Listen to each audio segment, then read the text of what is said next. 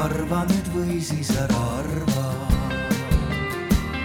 hea meel tervitada teid kõiki Eesti Kirikute Nõukogu asjatundjad või asjaarmastajate arutelul mida vajab vanaema, kus äh, me räägime eakate inimeste vaimsest tervisest, nendest väljakutsetest, millega nad kokku puutuvad ja sellest, kuidas meie saame indiviididena, aga ka ühiskonnana neid äh, paremini toetada ja mul on äh, väga hea meel selle üle, et meiega on täna siin Katri Aslav-Tepandi, sotsiaalministeeriumi vanemkaplan.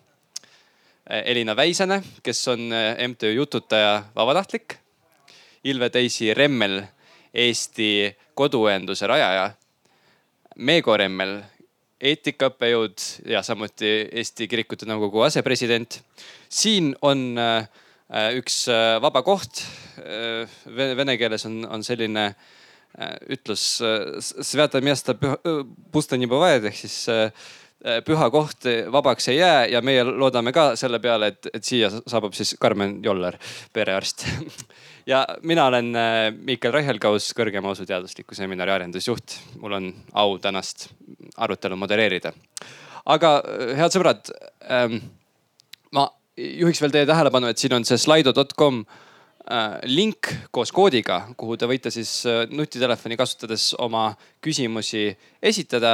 Äh, aga kui te soovite hiljem mikrofonis neid öelda, siis, siis see võimalus on ka täiesti olemas, et see on nii-öelda tagasihoidlikele ja julgetele annan mina ise mikrofoni kätte, et palun arvestage mõlemaga ja küsige, küsige julgelt küsimusi, panustage siia arutellu ka väikseks sissejuhatuseks teile ka, et, et võib-olla ühe lausega võtta kokku, kuidas teie töö sellel ametil, mida ma praegu tutvustasin, seostub eakate inimeste vaimse tervisega ja kuidas te selle teemaga kokku puutute? palun, Katri, võib-olla te alustate. töötan äh, ka veel mm, Põhja-Eesti Regionaalhaiglas hingehoidjana ja, ja need osakonnad, kus ma mm, inimestega räägin, neid toetan on õendus ka õendusosakonnad ja, ja hospiitsi, noh, meil hospiitsi osakonda küll ei ole, aga need on inimesed, kes on oma elu viimastel päevadel, hetkedel. ja, ja see on nüüd see igapäevane töö, mida ma olen nüüd juba viis pool aastat siis teinud. Äh, tere, mina olen MTÜ Jututaja jututaja siis ja ühe lausega on seda väga keeruline kokku võtta, aga ütleksin seda, et kõikidele peab õnne tekitama ja kõik peavad olema õnnelikud. ehk siis äh, see, kuidas mina suhtlen eakatega, tekitab minus ja neis õnne. nii et. ja, ja, ja siin võib-olla täpsustakski, et Jututa MTÜ tegelebki sellega, et vabatahtlikud käivad. ja käivad rääkimas. ja räägivad juttu või näiteks tantsivad nagu mina enda eakaga. suurepärane. Mina olen siis Ilve Teisi Remmel, töötan eluaeg õena, nii et iga õde, kes teab puutub kokku nii eakatega, lastega kui vastsündinutega. aga viimasel ajal koduõendus, kus siis kodudes on põhiline meie osa eakad sa nimetasid, et ma olen õppejõud, et siis õppejõuna ma olen olnud vahel kutsutud Väärikat ülikooli eh, loengut pidama, seal on siis vanemad inimesed, eh, vanaemad ja vanaisad. Eh, pastorina loomulikult hingehoidlikud kontaktid ja kuni surijate külastamiseni välja on see üsna, üsna pikk kogemus selles osas ja mm, kirikute nõukogu seisukohalt ma arvan, me tegelesime umbes kakskümmend aastat sellega, et haiglatesse ja hoolekandeasutustesse saaks süsteemselt kaplani äh, võrgustik loodud. ja Katri on täna siin äh, selles äh, plaanis kehastus, et see juhtus ja see juhtus täpselt enne Covidi ajastut. nii et ma pean seda väga suureks õnnistuseks ja õnnestumiseks, et meil on hingehoiusüsteem loodud. ja aitäh. Kui me, kui me lähme nüüd selle, selle teema juurde, eakate vaimne tervis on võib-olla asi, millest varem liiga palju ei räägitud, aga nüüd seoses koroonakriisiga on hakatud palju rohkem kirjutama ja rohkem tähelepanu suunama eakate üksilduse probleemile. ja Elina, sina liitusid MTÜ Jututajaga tegelikult äh, juba kaks aastat tagasi, nagu ma aru saan, ehk siis veel enne koroonakriisi enne seda, kui before it was cool nii-öelda. et, et kuidas, kuidas sulle tundus, kas see emotsionaalne ilmajäetus, mida sa seal töökohal või no vabatahtlikuna töötades avastasid, oli sinu jaoks üllatav äh,? tegelikult ma nagu teadsin, et see probleem eksisteerib.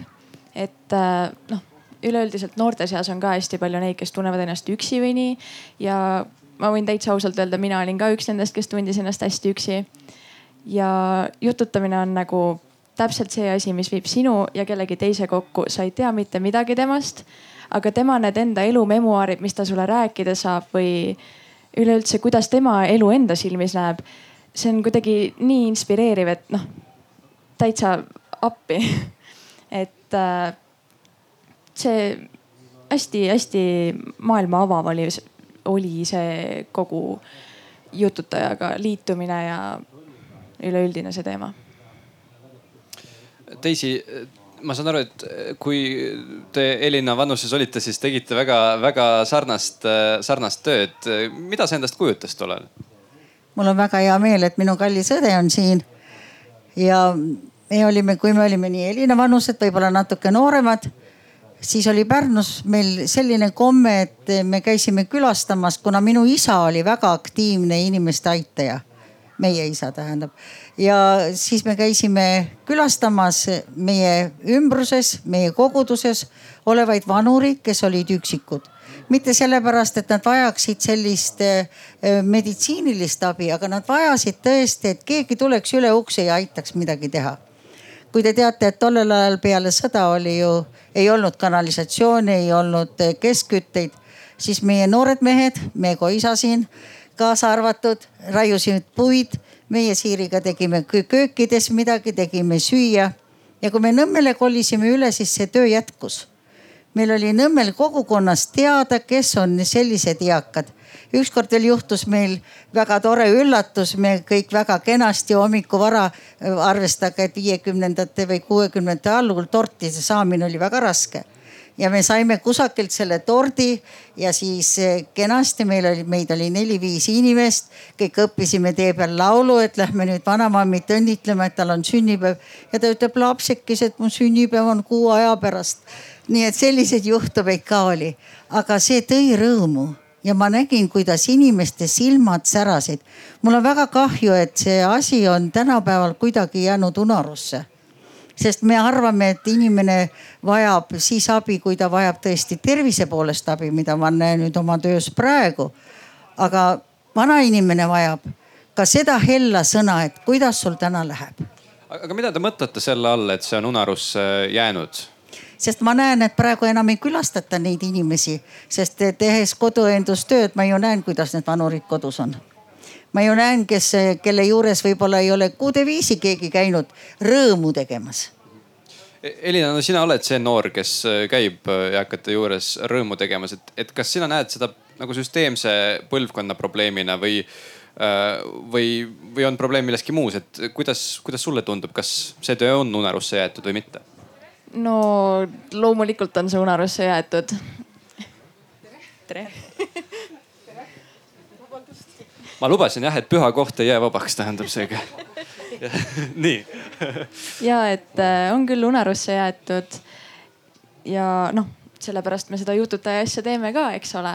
aga noh, ma saan äh, sellega hästi-hästi relate ida, et äh, perekondlik teema on suhteliselt kurb sest et inimesed tihtipeale unustavad ära enda, enda perekonna. Nad on enda kiire eluga nii, nii noh, ongi kiired lihtsalt. Nad käivad igal pool, neil ei ole aega küsida enda vanaemalt või emalt, et oi, kuidas sul täna läks või mida sa täna tegid. pigem kõik on lihtsalt endas kuidagi kinni ja noh, jah, süsteemne põlvkonna viga aga, aga milles see, milles see probleem seisneb, kas see on äh, väärtusruumi küsimus või see on hariduse küsimus, et äh, kus sina nagu seda tuumikut näed? Äh, see on sihuke kahe otsaga asi, millele on väga keeruline vastata.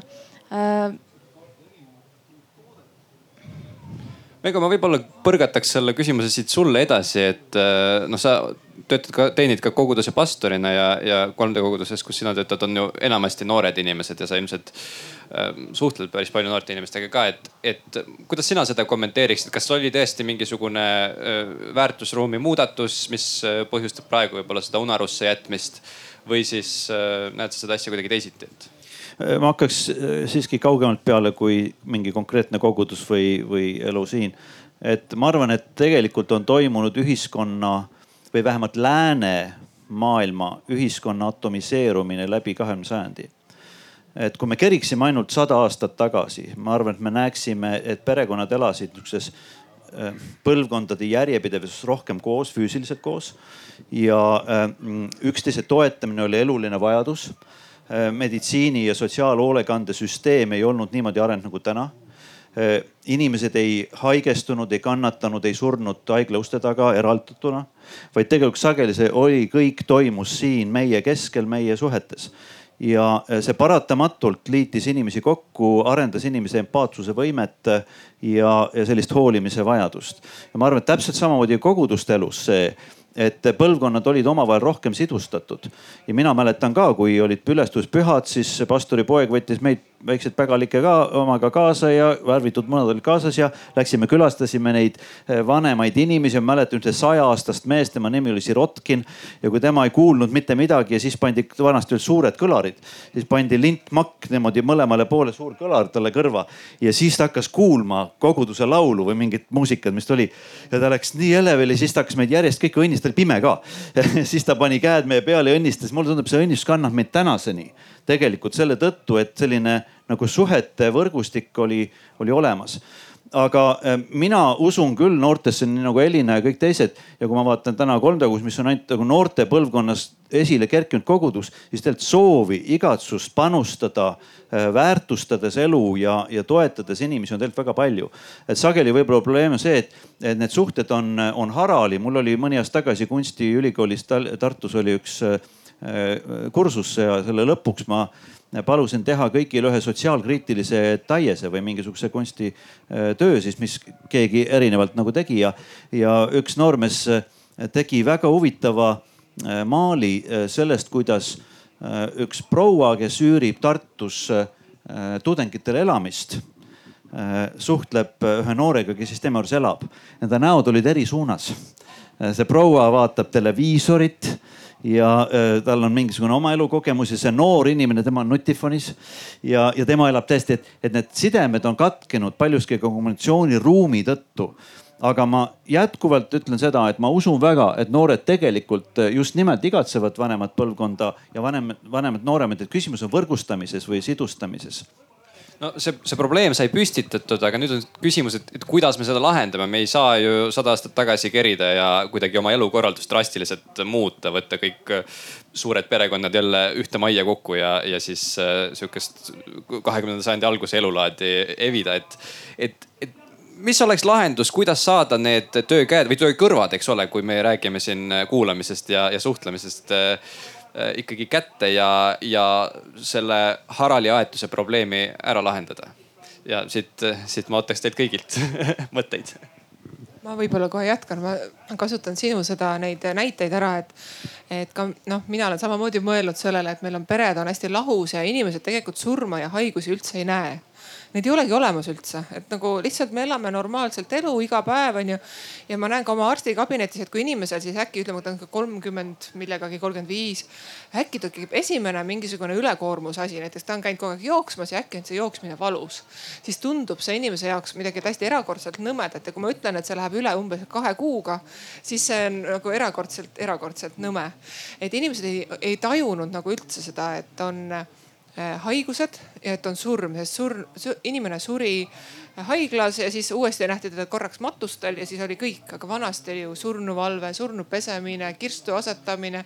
see oli kõik seotud väga suurte rituaalidega, kuidas kirstu kanda, et äh, kes tohib kanda, kes teeb mida ja nii edasi, mingisugune peeglite katmine ja nii edasi, et tegelikult neid traditsioone on olnud hästi palju, surm ja haigused olid vanasti elu osa. ja minu meelest selles osas koroonaviirus on meid väga palju aidanud, kõik on näinud surma ja haigust mida teeb surm ja mida teeb haigus. ja tegelikult, kui me mõtleme näiteks Itaalia peale, keda koroonaviirus väga rängalt tabas, siis äh, Itaalias oligi, saigi saatuslikuks seesama kolm põlvkonda koos elamine. aga meie olime selles mõttes nagu jälle õnnelikumad, et meil olid eraldi. lisaks meil on internet ja me õppisime suhtlema oma vanemate ja vanavanematega Skype'i teel. minu ema, kes põhimõtteliselt kunagi mingit nõmedat Skype'i ei kasutanud, me tegime temaga Skype'i vestlusi, ma mäletan, ma ei mäleta, mis jõulud või mingisugune äh, lapse sünnipäev või keegi oli, siis me pakkusime torti ja siis nad ütlesid, et nad silmadega söövad ja et noh, see oli nagu naljakas natukene, et ja, ja ema sünnipäeva samamoodi pidasime.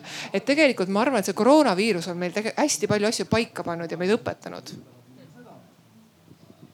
no nii, üks lahendus oli koroonaviirus, aga et palun, Katri. No, ma nüüd lähen natuke teemas võib-olla edasi veel, et mm, see kogemus, mis mul on nii hingehoidjana haiglas kui siis vanemkaplanina, kui ma Eesti hooldekodudega suhtlen ja, ja, ja hingehoidjatega, kes on nüüd tööle läinud sinna.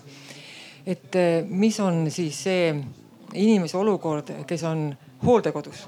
On ta õendushaiglas või hooldushaiglas ja nüüd siin koroona ajal ühtepidi juhtus ju see asi, et enam ei saanud ju keegi külla. Ja see masendus ja need depressiivsed meeleolud ja, ja see üksildus, mis tabas ja, ja nii noh, ütleme, kui see vabatahtlike teema oleks olnud, et, et ei, ei lubatud sisse, ei lubatud sisse ka oma koguduse vaimulikke ja, ja, ja rääkimata ju lähedastest, et, et see koroona õpetas meile või tõi, tegelikult tõi esile selle eaka inimese üksilduse täiel määral mitte ainult seal hooldekodus, vaid ka kodudes. no ütleme, et Karmen, kui sa räägid oma emast, siis minu vanemad olid täpselt akna peal, nägin neid, tõtsin kotid alla, siis kivike visati ahst akent, võtke kott ära. no et see oli tegelikult terve see aasta, nii kaua, kui nad said vaktsiinid. et see üks asi on see, mis see eakas tunneb, aga mida tema lähedased, mis see järgmine põlvkond tunneb, mis ülejärgmine põlvkond tunneb, et see tegelikult see üldine selline üksildus, üksteisest eemaldatus, aga mis on lahendused? õendushaiglas Eh, sealsamas meil Hiiu mm, tänaval on olnud aastaid selline tore komme, et käivad eh, klassid, käivad, on üks kool, kes käivad jõulude ajal laulmas ja, ja, ja tehakse kontserte. et ma kujutan ette, kui ma vaatan ka oma poja õppeprogrammi, et see väga palju on teha koolis, hariduses seda, see, mis peredes nagu vajaka jääb. et need, need, seesama noor põlvkond juba mitte ainult sinu, vaid ka järgmine põlvkond, kui me vaatame, kui see kaheksakümmend, üheksakümmend on hooldekodudes, ma juba räägin oma teemas, eks ole. siis lapsed on kuskil viiskümmend, kuuskümmend, minu vanused. ja, ja siis on juba nende lapsed kolmkümmend, nelikümmend, et tegelikult see põlvkondade, et kiire aeg on see kolmkümmend kuni nelikümmend, aega oleks juba viiekümnestel, kuuekümnestel natukene. ja, ja siis just nimelt sellel põlvkonnal, et ühesõnaga meie kogu tähelepanu peab minema selle uue põlvkonna kasvatamisele, elu päris asjadega kokkuviimisele, seesama, mis sa Karmen räägid, et elus on mitu aega ja on ka vanadus. ja vanadus võib olla tore ja ilus ja rõõmus aeg. ja ehk siis selline hariduslik, haridussüsteemne lahendus no ma lisaks võib-olla veel ühe kogemuse, ma siis ei olnud nüüd kõige noorem, aga ma siiski arvasin, ma olen noor, ma sain kahekümne viie aastaselt Tallinnas äh, kõige vanema baptisti koguse Kalju koguduse pastoriks. ja mina seda kogudust väga ei tundnud ju. ja, ja kui mina siis olin pastor, siis muidugi pastori töösse kuulub ka nende vanemate ja kodus olevate inimeste külastamine. aga ma avastasin, et meie kogudus oli terve meeskond, kes sellega juba tegeles. ja kõige selle meeskonna juht oli siis Herbert Loogna kes oli Eesti Vabariigi, esimese vabariigi ajal kunagi vaimuka seminari lõpetaja, ta oli veterinaar ja äh, temal oli suur pädevus nii vaimulikus kui siis meditsiinilises mõttes. tal oli alati kilekotikas kas banaan kaasas või apelsin kaasas ja ta ütles mulle, Meego, äh, äh, alati inimene peab midagi saama sinult, sellepärast et ta tunneb, et siis temast hoolitakse. ja tema ütles mulle kohe, et Meego, nüüd teeme ringi peale kõik need inimesed, need oli võib-olla seal viisteist, kakskümmend inimest, kes olid kodudes ja terve meeskond läksime siis kohale ja esimene kord mina pidin ainult kuulama kuulama, kuidas see kõik käib, onju. siis teinekord lubati mul kaasas midagi rääkida ja nii edasi ja, ja, ja mind tehti tuttavaks nende inimestega, mitte ühe korra vaid tegelikult ma hakkasin nagu regulaarselt käima koos selle Herbet, kes juba tundis neid. seal oli Siberisse küüditatud, selle tõttu jalutuks jäänud kodus, eks ole, lumes sumbanud kuskil inimesed, kes on väga suurte kannatuste lugudega. aga tema ei, automaatselt ei loo minuga mingit usaldussilda, vaid keegi peab sildama seda talle ja, ja niimoodi aastate jooksul alles tegelikult mina, mind võeti ka omaks. ja ma olen mõelnud sellele kogemusele, et, et võib-olla meie, kes me oleme täna täisealised, et meie ülesanne on ka kaasata just nimelt Elina taolisi noori, et, et tõmmata nad nagu sellesse ringi ja, ja kui ma nüüd ise, ma mõtlesin tänasel teemale korraga avastasin, et mu naine on vanaema, tegelikult, et mida vanaema vajab. et meil on ka äh, lapselapsed jube, mina olen vanaisa, eks ole. et siis ma avastasin seda, et, et mida mina vajan, on ka see, et ma loon ise teadlikult proaktiivset sidemeid ja suhtlemist oma lastelastega. et, et huvitun nende elust täna ja praegu, nii nagu nad on.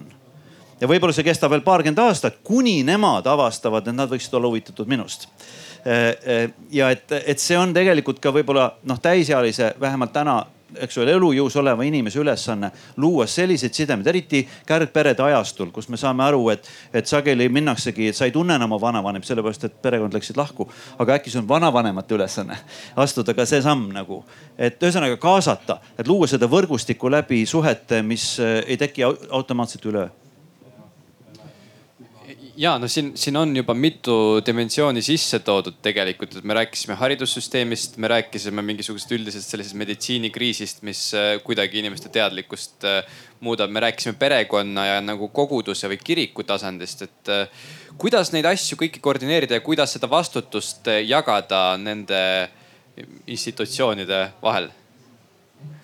Katri, võib-olla küsimus teile? jah, see koroona aeg, ütleme niimoodi, see poolteist aastat on olnud selles mõttes hästi töine ju ka meie haiglate hoolekandekaplanaadile. esiteks meid loodi alles e, poolteist aastat tagasi, vahetult enne koroonat.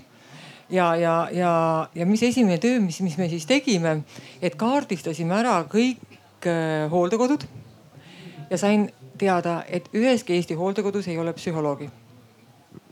nii ja kui me mõtleme, mis inimene tunneb, kui läheb oma kodust oma viimsesse maapealsesse kodusse. hingehoidjad, vaimulikud, kes käivad, no oleneb suhtest, kuidas koguduse ja hooldekodu vahel on see suhe. käivad vabatahtlikena ja, ja palgal ei, nagu ei ole otseselt hooldekodudes, on noh, mingid väiksed nihukesed rahalised toetused ühes-kahes. et see see võrgustik või see vajadus, mis nüüd tuli välja selle koroonaga, et, et me saime nagu teada, mis olukord üldse on. ja, ja, ja saime, ma ei tea, kas on see praegu see teemaaeg, aga et me saime riigilt kriisi leevenduse rahana või toetusena, et me saime Eesti suurematesse hooldekodudesse saata hingehoidjad ja neljakümnesse aga kui me mõtleme, Eestis on kakssada üldhooldekodu ja veel lisaks erihooldekodusid, et üle kahekümne inimese on, elavad hooldusel. et see on nii pisku, aga see on ja see teeb rõõmu ja see on tõesti jumalale tänu, et, et me oleme saanud. ja, ja see, mis sealt praegu on tagasi tulnud, see tänu äh, inimestelt, no töötajate kaudu, inimesed ise töötajatele ütlevad ja üks ütleski, üks ähm, juhataja kirjutas just eile, ma küsin ikka aeg-ajalt et teate, meil on majas läinud inimesed rõõmsamaks. mis siis on? inimesi kuulatakse. Nendega räägitakse, nad on isiksused, neil on oma elulugu, igaühel oma elukutse olnud, pered. Aga seal on niimoodi neljases toas, nagu sa oled, oma kapikene, on olukord, kus on ainult kotikene, pole kapikestki, on kotikene sellel voodi all et, et see kaplanaadi töö on olnud hästi oluline. ma mõtlen just koordineerimisel, et oleme kokku viinud kogudused, vaimulikud, koguduse vabatahtlikud, hooldekodud noh, haiglad on omaette süsteem ja ka õendushaiglad, aga et eh, kuskil oli see pinnas juba nii küps ja see koroonakriis tõi selle kõik nagu lahvatas esile sellise inimese üksilduse vajaduse ja, ja vajaduse rõõmu ja teise inimese järele aga, aga ikkagi, mis, mis on need, äh, ma, ma päris täpselt ei saanud vastust sellele küsimusele, et mis on need äh, vastutused igal tasandil ja kuidas me need nagu ära jaotame erinevate olemasolevate nagu institutsioonide vahel, et mida võiks veel teha riik, mida võiks veel teha kirik, mida võiks Aha. veel teha indiviid, et. Äh, ma mõtlen me..., kui ma nüüd mõtlen üldse inimese peale kui, kui ma olen kaheksakümne, üheksakümne aastane ja, ja on aeg äh, elus muutus ette võtta. ühel hetkel me oleme kõik vanad, see, see, me, ei pääse sellest. et ähm, mina näen hoopis seda asja mitte niivõrd vastutust esmaselt ei riigil ega omavalitsusel ega isegi mitte kogudusel, vaid perel.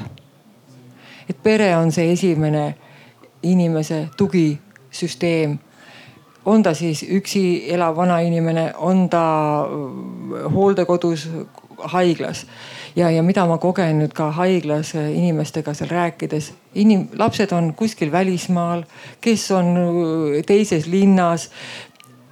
on suhted läinud millegipärast väga pingesse, et ei, et ei kannatata üksteist näha, keelatakse lausa külastamast. et see pere roll on kõige olulisem ja see on see, mida inimene kõige rohkem vajab, oma lähedaste tuge. see teine teine on juba, nimetame siis omavalitsus, kes nagu aitaks selle, ütleme inimese vaimse tervise puhul, on see siis üksi elav inimene, eakas või siis hooldekodus. Et need teenused oleks kättesaadavad ja me jõuame tegelikult ka palliatiivse ravi juurde, me jõuame selle juurde, kus, et inimene ei ole mitte ainult ähm, noh oma eluliste vajadustega, et tal on, oleks kiiresti abi ka meditsiiniliselt, vaimse tervise vallas, sotsiaaltöötaja oleks kättesaadav, ühesõnaga kõik see kogu tervik, mis inimesel on vajaduste näol olemas, et see oleks kaetud. Ja siis muidugi riigi roll, riigi roll on siis kogu see seadusandlus, et oleks tagatud see, see tugi ja, ja kogudused, et oleks side kogudustega. aga nii palju on mul küll kogemust, et häid praktikaid, et näiteks Kosel kus kogudus ja vald töötab käsikäes. teatakse oma eakaid, teatakse, mis kellelgi vaja on. kui oli siin koroona ajal, siis viidi ukse taha neid suppe ja, ja, ja kruupe ja, ja makarone ja, ja, ja, ja nüüd on ka riigi toel saanud hooldekodu endale hingehoidja palgata. et need on niisugused mm, asjad mis ma näen, et, et meil on tegelikult vaja, meil on vajaka meie Eesti ühiskonnas nende kõigi osapoolte koostööd et see on nüüd see, kuhu me peame nagu välja jõudma, et tõepoolest see inimene, kes on seal keskel, mina, kes olen keskel, et mul on minu pere, minu kogukond, minu riik ja minu kogudus. üks asi, mis siit vahepeal kõlas, oli just äh, teenuste kättesaadavus, et Karmen, ma ei tea, te olete pea, pe, perearst ja, ja teie juures käivad patsiendid ja vahel peate nad ikka vaimse tervise spetsialistide juurde suunama, et kui kättesaadav on ühele teie eakale patsiendile vaimse tervise spetsialisti abi? kui siin oli enne juttu, et hooldekodudes pole psühholoogi, siis ma ütlen, et paljudes hooldekodudes ei ole ka medõde nii et mis me siin üldse räägime, eks ju. aga vaimse tervise kättesa-, abi kättesaadavus on, see sõltub hästi palju, ma arvan ka näiteks sellest samast perearstist meie perearstikeskus on hästi õnnelik, meil on üks vaimse tervise õde, ise koolitasime. mina olen endine tulevane psühhiaater ehk eh, viimasel hetkel otsustasin saada perearstiks ja seepärast mulle see igasugune vaimse tervise teema on südamelähedane ja ma arvan, et ma oskan keskmisest rohkem võib-olla pakkuda seda abi ja ravi. aga ma ei ole ainus selline perearst, et igal perearstil on mingisugune oma huviala ja neid psühhiaatria huvilisi on meil kindlasti veel, et see sõltub natukene ka perearstist.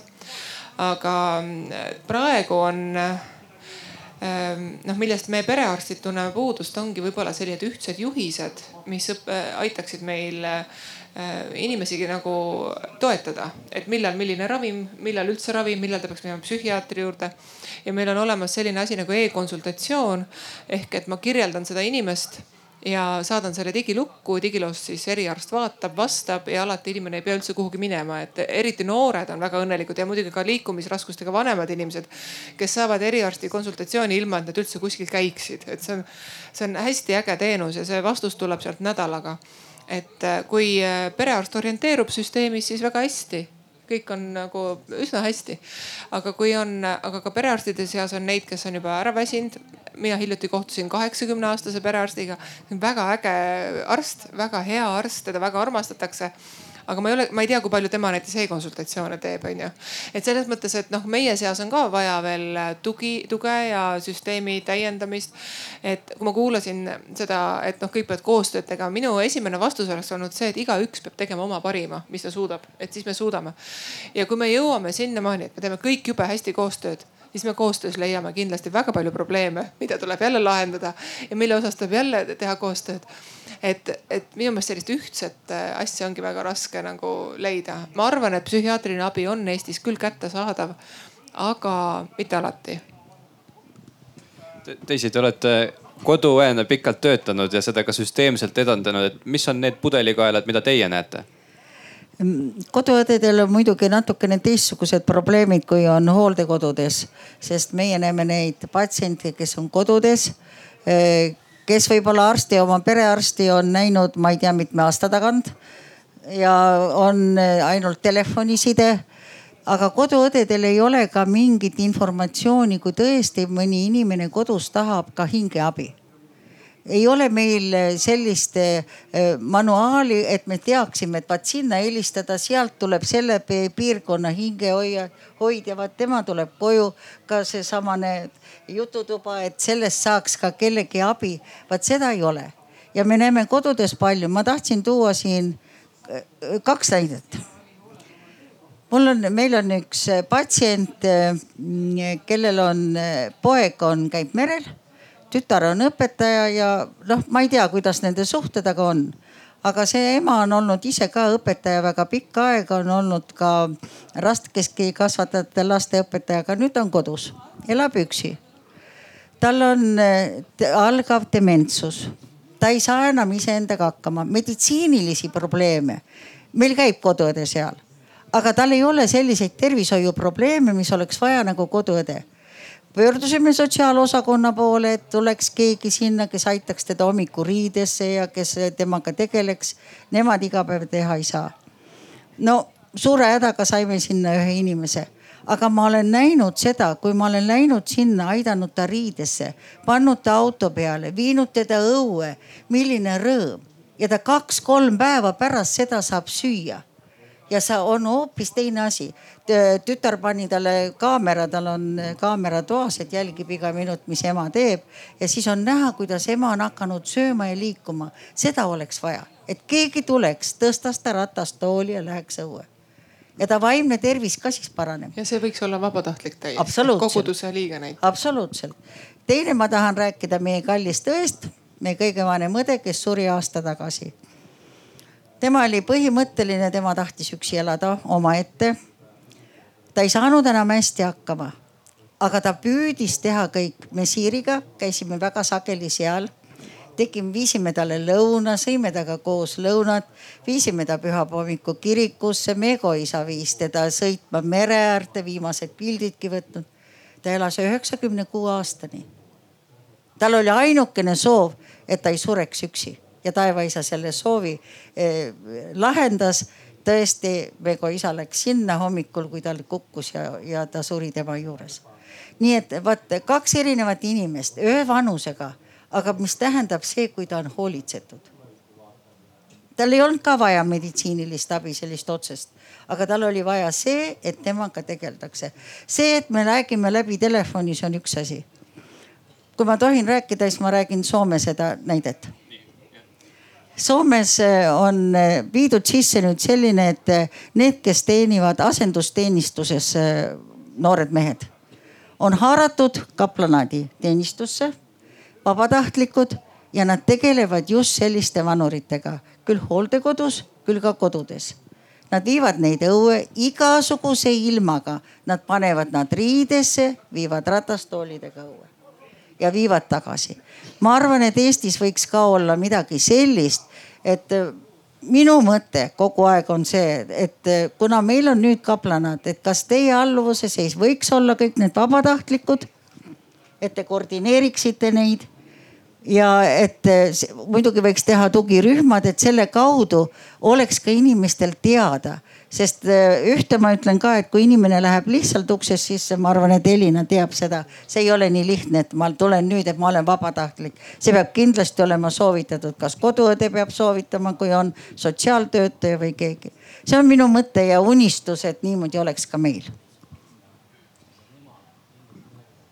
minu unistus ka täiesti tõsiselt, et ja, ja ma näen siin nagu mitmeastmelist nihukest minekut selle unistuse poole see esimene aste on see, ma mõtlen selle koostöö all mitte nii abstraktselt hakkame koostööd tegema, aga et selle inimese, kes seal kodus on või on ta seal hooldekodus, et tema vajadusi nähtaks terviklikult et ühesõnaga, et oleks nagu selge, et mida see inimene vajab, vajab ta meditsiinilist abi, vajab ta hingeabi, vajab ta psühhiaatrilist abi, vajab ta sotsiaalset abi, ei saa oma telefoniarvet maksta, telefon kinni pandud ja ainukene äh, sidevahend tütrega oleks nagu telefon ainult. ühesõnaga, et kõik need asjad, et tema vajadused oleksid nähtavad ja kes on siis see inimene või kuidas need abiaitajad või teenused temani üldse jõuaksid.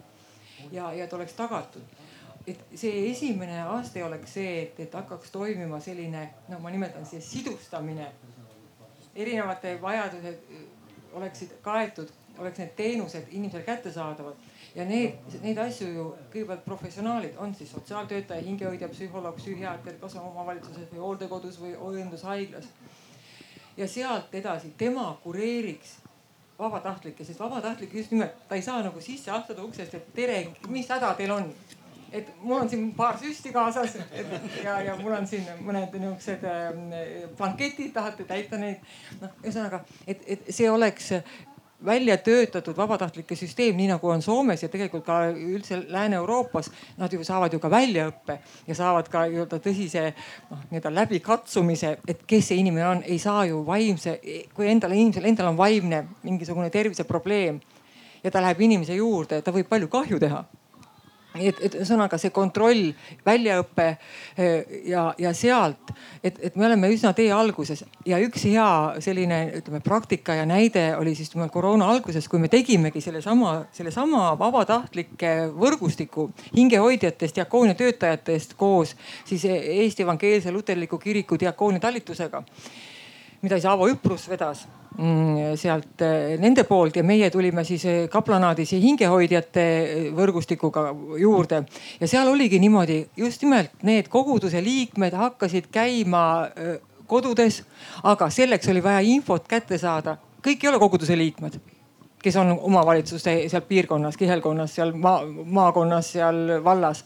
et omavalitsused jagasid siis informatsiooni, kes mida vajab, kes vajas puude ritta ladumist, kes vajas, seal oli vaja ahi, oli ära vaja puhastada, ei tõmmanud, lihtsad asjad.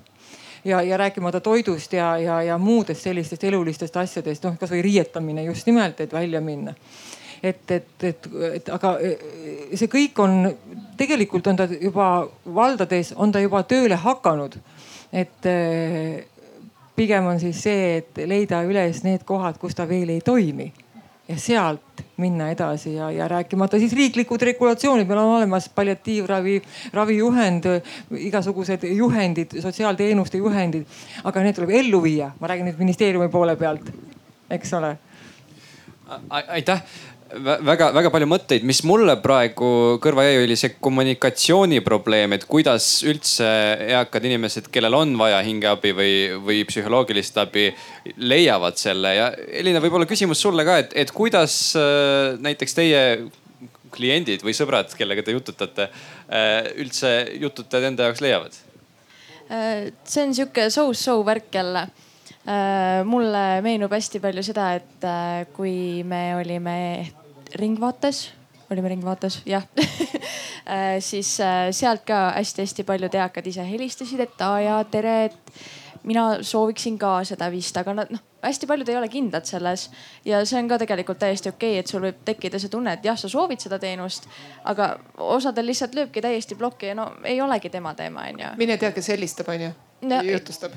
ja just, et äh, jah no seal on ilmselt ka see usalduse küsimus sees, et ega sind ei peteta, sest et praegu on ja. ju hästi palju igasuguseid telefonipettusi ja selliseid äh, probleeme, et. ma ei tea, Karmen, kuidas teile tundub, perearstil on sageli usalduslik suhe oma patsientidega ja, ja võib-olla mõne jaoks see ongi nii-öelda ainuke kuidas öelda, suhe mingisuguse riikliku struktuuriga teatud määral, et, et, et kas, kas, kas perearst võib ka olla see vahendaja, kes saadabki näiteks oma patsiendi jututaja juurde? Miks ka mitte, et siis oleks vaja natukene süsteemsemat äh, teavet selle kohta aga mina tavaliselt saadan sotsiaaltöötaja juurde, ehk siis sotsiaaltöötaja saab selle jututajaga rääkida, et, et seda on vaja.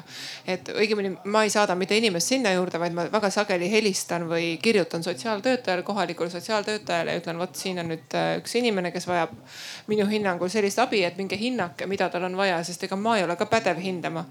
ja ma olen kirjutanud ka linnaosavalitsusse ühel korral ja palunud, et äh, aidake minu vanapaari seal naabritega, sest naabrid kiusasid neid, no ma ei tea, vähemalt nende jutu järgi nad kiusasid, eks ole.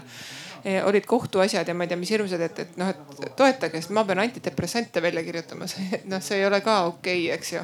ja nii edasi, et, et muidugi me noh, meie oleme, küll me oleme võlanõustajad ja suhteterapeudid ja me perearstid olemegi sellised väga mitmekülgsed, et me teeme kõike, ka koerad, koerale olen ka retsepte kirjutanud, aga see oli siis, kui olid veel paberretseptid ja väga arvet ei peetud nende üle ja ma saan ka lisada, et äh, tegelikult me hetkel tegeleme ka sellega, et äh, perearstid saaksid rohkem suunata ja kui ma õigesti tean, siis peaksid tulema võib-olla sellised toredad plakatid ka, sest et keegi perearstidest oli ka soovitanud seda, et noh kui patsiendid või siis noh, kliendid ise tulevad ja näevad seda plakatit, et oo, davai no meil on umbes, ma arvan, sada erinevat äh, teenust, kuhu suunata, et äh, kõik tundub, oo kui lahe on ju ja siis järgmine nädal tuleb järgmine, oo kui lahe ja siis äh, noh, see on hästi suur paabel. et pigem noh, mina olen see, kes suunab ja sotsiaaltöötaja juurde. Ja meil need plakatid ei mahu ka ära et, et see kõik on nagu hästi, vaat seal nagu peabki vaatama seda nagu nii ja naa, võib-olla mõni perearstikeskus, kus on suured seinad, on väga hea panna see plakat, aga meil ei mahu ära. et, et nagu see peab olema ka, et kui ta on koostöö, ta peab olema ka struktureeritud natuke, et kes kuhu suunab, kes kust mida jagab, et see info praegu on ju infoajastu, et see on meeletu, mis on. Kindlasti võiks kasutada siin ka pereõdesid aktiivselt, eh, nad kindlasti teavad oma patsiente väga paremini. muidugi teavad ja meie teame ka hästi, noh perearst ja pereõde on üks, üks ihu ja üks hing, ütleme nii.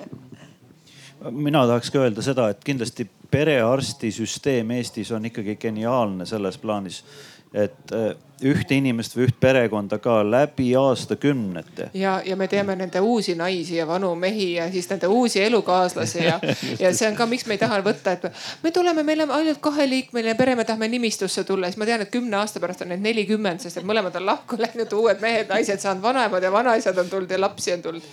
et jah ja,, et see nii on. aga ma tahaks nagu seda selles mõttes arendada siit edasi, et, et see usaldussild on väga suur ja see ajas ilmselt kasvab, kui inimene saab hoolitsetud ja nii aga et, et mina näen nagu ja võib-olla ma lihtsustan ja võib-olla ma eksin ka siin, aga mina näen nagu Eesti ühte süsteemset probleemi selles, et kui inimene toimib nii-öelda terviseedenduse tasandil, siis perearstist ja õest talle täiesti piisab, et ta on selles segmendis, kus ta on pidevas kontaktis ja kõik on hästi. kui juhtub aga see, ma toon ühe näite, ütleme mingisugune üks sugulane mul ja, ja ma toon tema nagu näite, et kui juhtub, et tal tuleb nüüd üleöö midagi väga tõsist noh, selle konkreetsele inimesele üleöö inimesel avastatakse, tal on väga kaugele läinud kasvaja, ta läheb opile ja tegelikult küsimus, kas üldse ellu jääb, siis ta kukub sellest peresüsteemist nii-öelda sellisesse eriarstisüsteemi. ja seal on tema, temaga tegeleb keegi täiesti tundmatu. ja tema jaoks on ka see nagu selline võõras kogemus. et ei tegelda enam, eks ole, temaga kui tervikuga, mida pärast teeb, vaid kas tema südamega või tema maksaga või tema kõrvaga või, või eks ole. arstidel on ka komme öelda, näe, maks kõnnib seal. no just, just, just, just, just, et see peaarst võiks ju olla siis kõigega tegeleb ka peaasjadega, aga noh, tema ei tegele millegagi selles plaanis on ju. et, et inimene inimesena otsib ja vajab seda, et keegi hooliks minust tervikuna aga kui ta kukub sellesse eriarstisüsteemi, siis seal temast tervikuna enam keegi nagu otseselt ei hoolitse. ja sel konkreetsel juhtumil oligi, et ta tundis isegi võib-olla mingit kommunikatsiooni, mingid asjad veel ja ma hakkan otsima talle oma tuttavat arsti. seda, kes selles valdkonnas on nagu pädev, aga kes hoolitseks temast tervikuna. ja nüüd, kui ta peaks siit edasi liikuma sellesse hetkesse, kus ta läheb mitte eriarsti juurde, vaid hoolekandesüsteemi seal tekib veel omaette probleem. Et mida ma tahan öelda, on see, et meie süsteemne probleem on pigem nagu selles, et kes looks sillad nagu sellest ühest süsteemist teise minnes ja et ei kaotaks äh, nagu seda, et inimene, kes inimesena osaleb selles protsessis ise kõige keskmes, et ta ei tunne, et ta on nüüd lükatud nagu mingisse järgmisse kasti, võõrasse klassi nagu koolis just näiteks, et istud võõraste lastega pingis ja, ja sa ei tea enam nagu, mis toimub aga ma tuleks võib-olla noh teise poolt sellise hoolekande ja sotsiaal ja, ja miks mitte ka nagu inimese elulõpu tasandil, et võib-olla hea näide on see, mis praegu on Tartus tegemisel ja millesse teisi on ka panustanud, on niinimetatud eluringikeskus. ja see on siis Tartu linna ja öö, äh, ütleme siis koguduste ühine algatus selleks, et luua niisugune hoolekande kodu või hooldekodu, ma ei tea, kuidas see täpselt oligi, te ütlesite, et hooldekodu või see eakate kodu. Eh, kus, kus elavad siis need inimesed, keda nimetatakse ka elanikeks, mitte et nad on, ma ei tea, patsiendid või kliendid või midagi nii on ju, nad on elanikud. aga selles samas majas on lasteaed. seesama lasteaed on see, kes panustab selle elurõõmu ja need suhted nendele inimestele, kellel võib-olla iga päev ei käi pere külas ja lapsed jälle ootavad seda, et vanaema jutustaks muinasjutte või, või eh, jutustaks oma eluloost ja ma olen näinud seda mujal, minu jaoks silmad läksid lahti, kui ma Saksamaal nägin, et ehitatakse terved linnakud nagu sellised. Ja kolitakse sisse, et esimesel korrusel on vanurid ja siis on pered ja siis on, eks ole, nii. ja et, et nad hakkavad moodustama omaette kogukonda, kus igaüks tunneb, et keegi hoolib. Ja see laps on väga õnnelik ja see vanur väga õnnelik ja tegelikult on see nii-öelda tervise pool ka nagu tagatud, et, et ühesõnaga, mida ma tahan öelda, et, et ma arvan, et meil on siin kommunikatsiooni ja lõimimise äh, vallas on väga suur võimalus edasi areneda. Jah. Tallinna linnas me oleme, kindlasti teab, vast viisteist aastat rajanud süsteemi, et oleks hoolekanne, tervishoid, on mitu projekti valmis ja sinna sisse saaks ka hingehoid. ma ei tea, võib-olla minu silmad ei näe seda, aga ma väga loodan, et see ükskord saab valmis ja seal on tõesti täiuslik, nii nagu me eluringiski oleme pannud, et seal on täiuslik see hooldussüsteem, et ükski inimene ei jääks sellest ringist välja. praegu on need üksikud elavad just Männikul, Nõmmel, Pääskülas, need üksikud elavad inimesed, kes on täielikult väljas.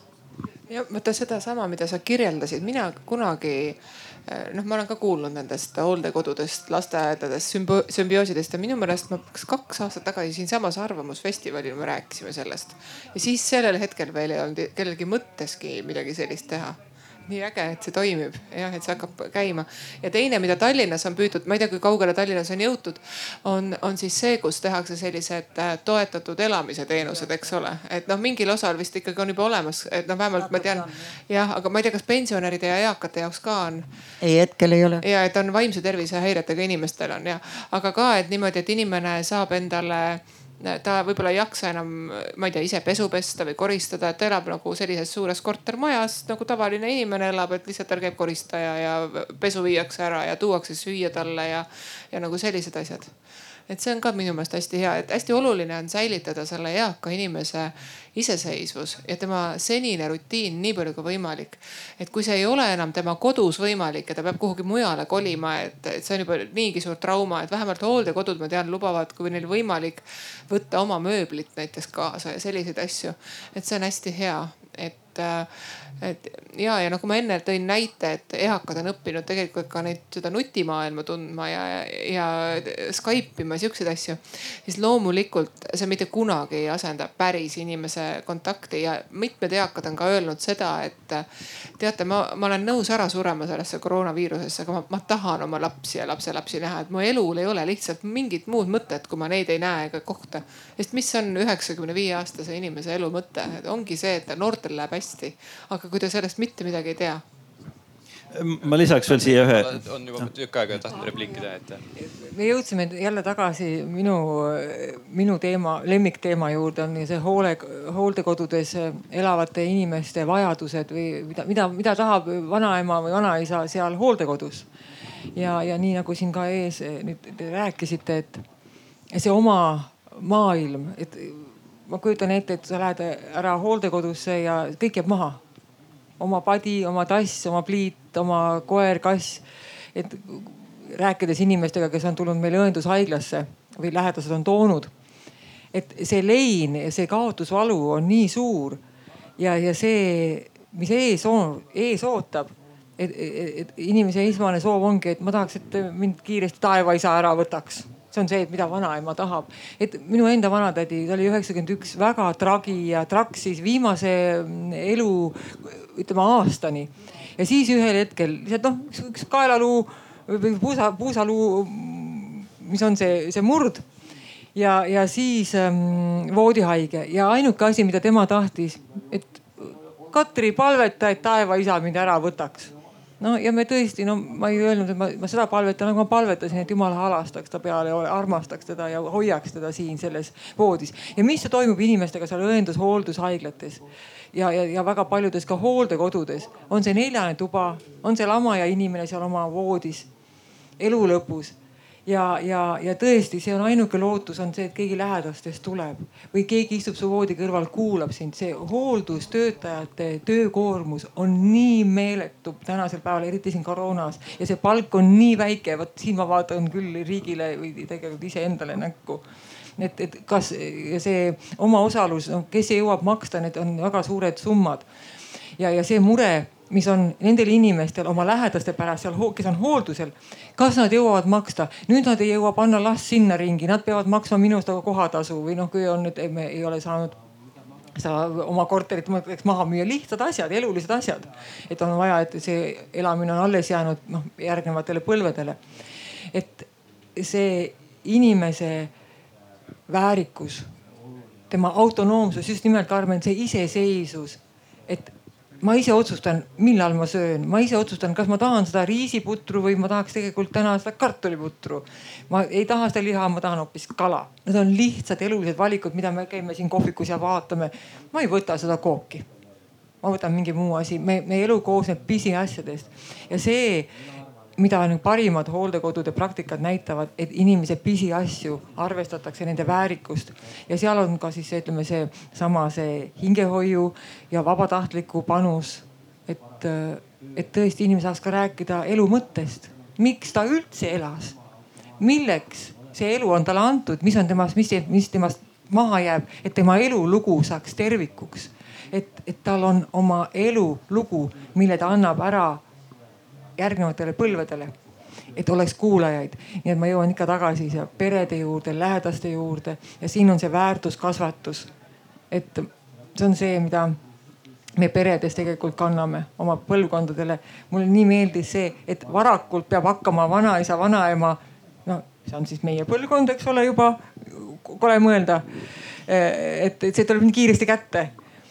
et kuidas see mudilane või see marakratt või see jõmpsikas, kui saaks ta nutitelefoni juures korraks välja, et teeme midagi põnevat, teeme koos midagi. et see sideme loomine algab tegelikult täna juba siin ja praegu, et tulevikus on see, kes tuleb vaatama sind sinna hooldekodusse või siis sinna Mustamäe korterisse me oleme päris palju rääkinud sellest üksilduse probleemist ja sellest, et meil kõigil on tegelikult vastutus meie eakate eest äh, hoolitseda.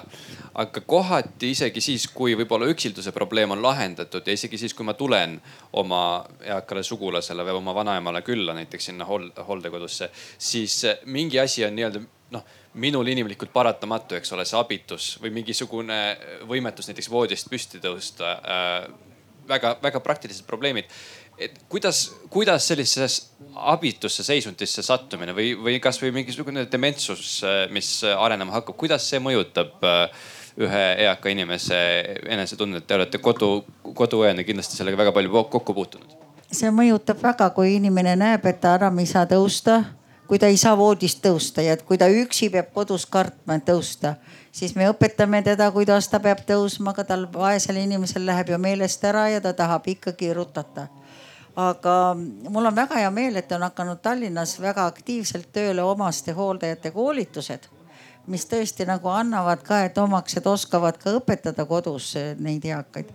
aga ma veel kord ütlen, et kui me saaksime need vabatahtlikud panna tööle, et me teeksime sellega väga palju kergemaks nii perearstide kui ka kogu ja no mis hooldekodudesse püüdab, siis muidugi riigi poole tuleb vaadata väga tigeda näoga sest on ammu lubatud, et on ammu lubatud, et kontrollitakse. aga on ammu lubatud, et riik hakkab doteerima. et inimene ei pea nägema vaeva. võin jälle tuua ühe näite, meil on siin üks tuttav, üks noormees, kes on nelikümmend kaheksa aastat vana. kümme aastat tagasi jäi ta oma raske haiguse tõttu ratastooli. elab üksinda Mustamäel, koduõde käib tal lamatis isidumas aga ta ei saa, tal on juba see mm, kogu organism on nii nõrgaks läinud, et tal seedimine on nii nõrk, et kui ta läheb tualetti, teda tuleb aidata ja ta on seal kolm-neli tundi. nüüd me saime teda mm, Viimsisse Pihlakodusse aga probleem on, tal on seal väga hea olla, tema eest väga hoolitsetakse, tõstetakse. ta tunneb ennast ja ta ei muutu enam, ta on juba aktiivsemaks tagasi muutunud. ta on õppinud sotsiaalpedagoogikat ja ta on juba aktiivsemaks tagasi muutunud. vahepeal ta oli tõesti nagu sa ütled, nagu dementseks hakkab minema juba seal kodus, sest ta ei saa millegagi hakkama. aga küsimus, kuu aega on veel, sõbrad panid kokku raha, aga edasi? kõik ja tegelikult ei ole see kõik ainult hooldekodude probleem et äh, me noh, amet, ametiisikud nii-öelda või kes me töötame sellel alal, me näeme neid rohkem hooldekodudes, võib-olla sina, Meego, näed neid rohkem ka kodudes, aga tegelikult on kodus ka. oletame, et ma olen noh, võtan enda juurde näiteks oma vanaema või kellegi.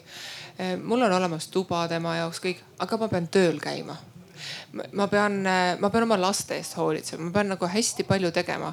ja võib-olla ma leian ka selle aja, et viis minutit rääkida temaga, võib-olla on aega kümme minutit, aga mu lapsed tahavad ju ka kõike seda.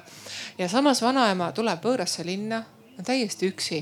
et tegelikult oleks hästi tore, kui, kui ka nendele, kes on nagu oma tavapärasest, õnneks tänapäeval on mobiiltelefonid, õnneks need vanaemad enamasti oskavad seda kasutada, et ma mäletan, kuidas mul vanaema ka, kui ta oli minu juures, et vot sellest ma nüüd kohe räägin Milvile ja, ja ma ei tea kellele, Helgile ja et kõigile, kellele ta räägib, eks ju, et ta suhtleb. aga samas ikkagi nii tore on, kui keegi tuleb, istud seal diivani peal kahekesi, jood teed, oma eakaaslane, kes mõistab sind ka tegelikult.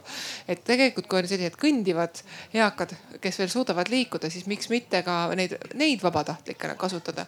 ja see annab neile endile ju ka hästi palju, eks ole.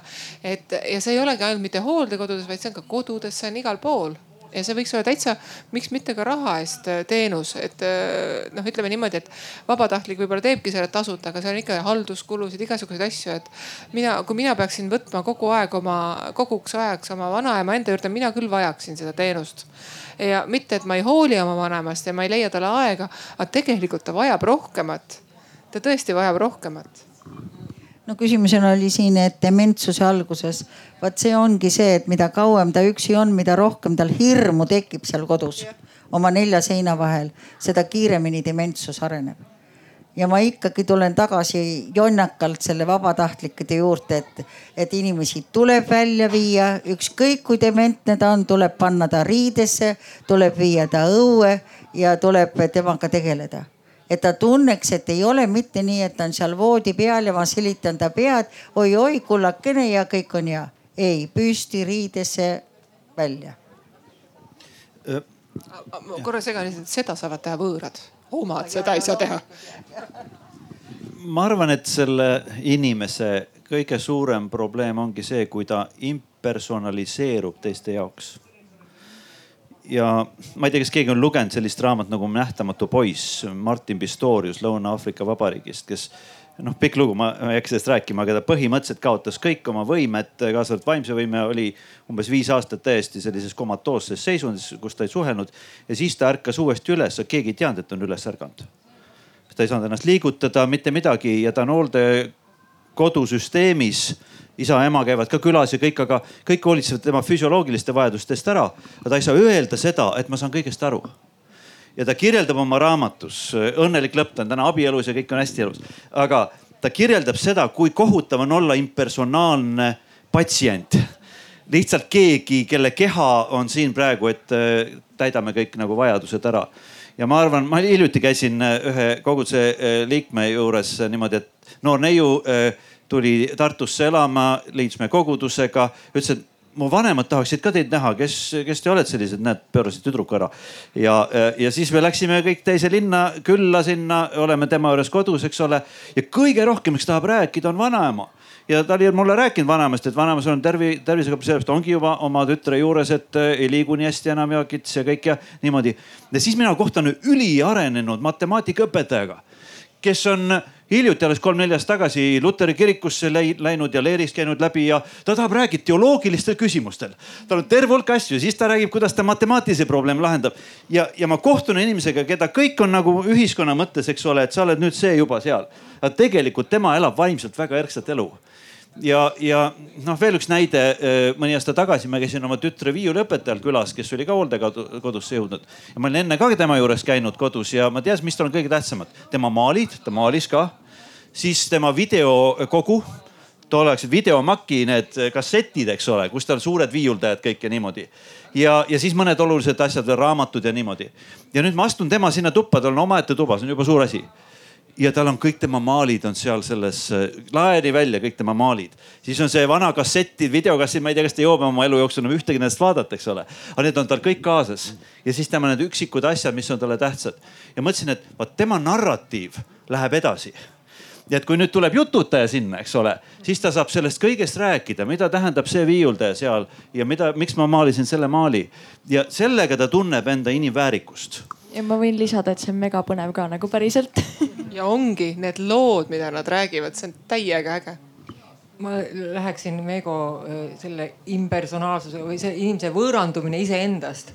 et äh, me, tegelikult me kõik nooremad põlvkonnad, me unustame ära, et see eakas meie vanaema või vana-vana või vanaisa või vana-vanaema, et ta on oma soovidega inimene, et see on, ma puutun seal õendushaiglas ikka kokku just nimelt lähedastega rääkides, et noh, mis saab edasi ja, ja, ja on küsimus, et kas te ütleme proua noh Valli käest olete küsinud, mis ta tahaks?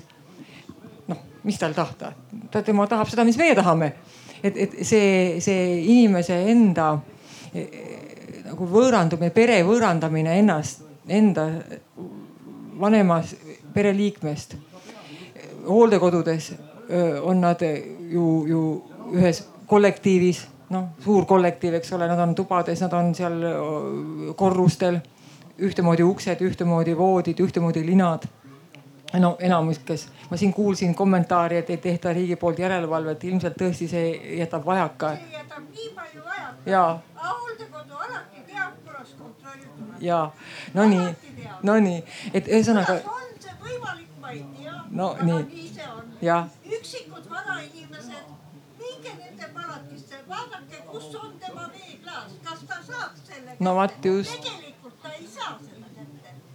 Need on nii paigutatud, just sellistel, kellel ei käi inimesed vaatamas, lapsed vaatamas nii et oligi see, see, mis ma praegu tahtsin kokku võtta. väike, väike märkus, kui, kui te tahate äh, midagi vahele öelda, siis võite märku anda, ma annan teile mikrofoni ja siis teil on paremini kuulda, et, et. et kokkuvõttes selle, selle teemaga on see, et inimene on isiksus kuni surmani.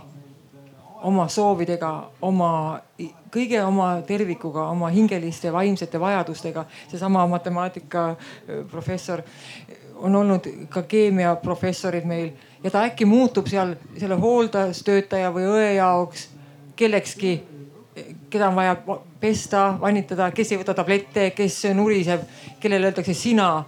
ja üks proua ütles, endine arst, et, et ma ei ole enam mitte keegi. et ma olen siin nagu lihakäntsakas nende käes. Et see, see eksistentsiaalne valu, et ma, me kõik tahame ju olla keegi ja et, et see ongi see, mida saavad siis kõik mm, hingehoidjad, psühholoogid, jututajad, kõik arstid, õed, meedikud. kõik saavad tegelikult selle inimese väärikust toetada. Need on väga inimlikud probleemid, mis äh, siit arutelust praegu välja tulevad. ja võib-olla siit edasi saakski küsida, et äh, kas äh, ka meie kaadripoliitika, mida praegu näiteks hooldekodudes rakendatakse, on ka adekvaatne Äh, nende vajaduste rahuldamiseks. Ja võib-olla, kui me meenutame seda meediaarutelu, mis kevadel toimus, äh, kus äh, tuli see uudis, et hingehoidjad on hakanud riiklikku rahastust saama, siis, siis võib-olla mitteusklikel inimestel tekitab ka pahameelt, et, et miks kuidagi teenindatakse eelisjärjekorras kristlaste huvisid, eks ole, et te samuti mainisite, et kakskümmend protsenti on kahekümnes protsendis hooldekodudest on hingehoidjateenus saadaval, psühholoogiteenus ei ole saadaval. Kas praegune seis on teie arvates adekvaatne ja, ja võib-olla mida üldse siis hingehoidja, milleks üldse nagu hingehoiu peale mõelda, miks mitte tegeleda ainult psühholoogiaga ja, ja võtta seda hingehoiu valdkonda ka äh, tiiva alla? tõesti, miks ei ole psühholooge, ei ole psühholooge, lihtsalt ei ole inimesi, kes läheksid hooldekodudesse selle palga eest tööle, mida hooldekodu saab pakkuda. hingehoidjad sama lugu, sest et hingehoidja, me oleme küll kristliku taustaga, me oleme kõik kristlased, aga meie väljaõpe kõrgharidus teoloogia vallas, hingehoiu täiendkoolitus või siis erialana. me alati lähtume inimese enda usust, on ta budist, on ta ateist, on ta moslem, mida tema usub, sest inimesel on oma usk, iga inimene on uskuv olend, me kõik usume midagi, isegi kui me seda ei tunnista endale või me ei mõtle selle peale nii et, et see, see pahameel jah, mis nagu vallandus ajakirjanduses, et üks pealkiri oli ka, et, et, et papid on psühholoogi toolile, seda tooli pole lihtsalt. Ja, ja hingehoidjad, need, kes said, keda me saime eri Eesti paikades mm, nad on aastaid mõned käinud vabatahtlikuna hooldekodudes ja, ja nüüd koroona ajal lihtsalt ei pääsenud sisse, kuna noh, see, see nakatumisnäitajad läksid nii kiiresti ülesse ja hooldekodud ei julenud sisse lasta, aga nüüd on vaktsineeritud, nüüd on nad seal olemas ja juba tööl. et see, see vajadus vaimse tervise toe järgi. See, et riik nüüd seda taipas, noh, mina, eks ole, siis kui praegu riigiametnik siin et ma olen kahepaikne, ma olen tegelikult praktik ja hinges olen ma hingehoidja hinges. et äh, ma ei tea, kui kaua see kestab. et ähm, ja, ja me teame ju kõik, mis ühiskonna majandus praegu toimub ja, ja, ja eks me peame edasi mõtlema, mida me edasi saame teha. sest et juba see, mis on tagasiside tulnud hooldekodudes, kuidas vajatakse neid inimesi kõrvale, neid hingehoidjaid. Et mul on lihtsalt, mul tuleb tegelikult südames nii soe tunne, seesama, ma kujutan ette, kui, kui jututaja tunneb, et, et inimeses on tärkanud jälle tema ise ellu oma, oma lugude, oma elulooga. et me tegelikult äratame inimesi ellu, rääkides, kuulates neid, just kuulates neid, mida neil on öelda, et jah Elina, ma võib-olla küsiks sinult ka, et äh, sa ei ole otseselt ühegi kogudusega seotud, et mingis mõttes võib-olla kõige neutraalsem inimene ka siin paneelist, et, et kuidas sina suhtud äh, sellisesse äh, hingehoidu, mida toetab ka, ka riik osaliselt ja, ja kas sellise vaimulikul aspektil on ka mingisugune tähendus eakate vaimse heaolu eest hoolitsemisel? ja ma ütlen ühe suure ja nagu väga-väga kindlalt.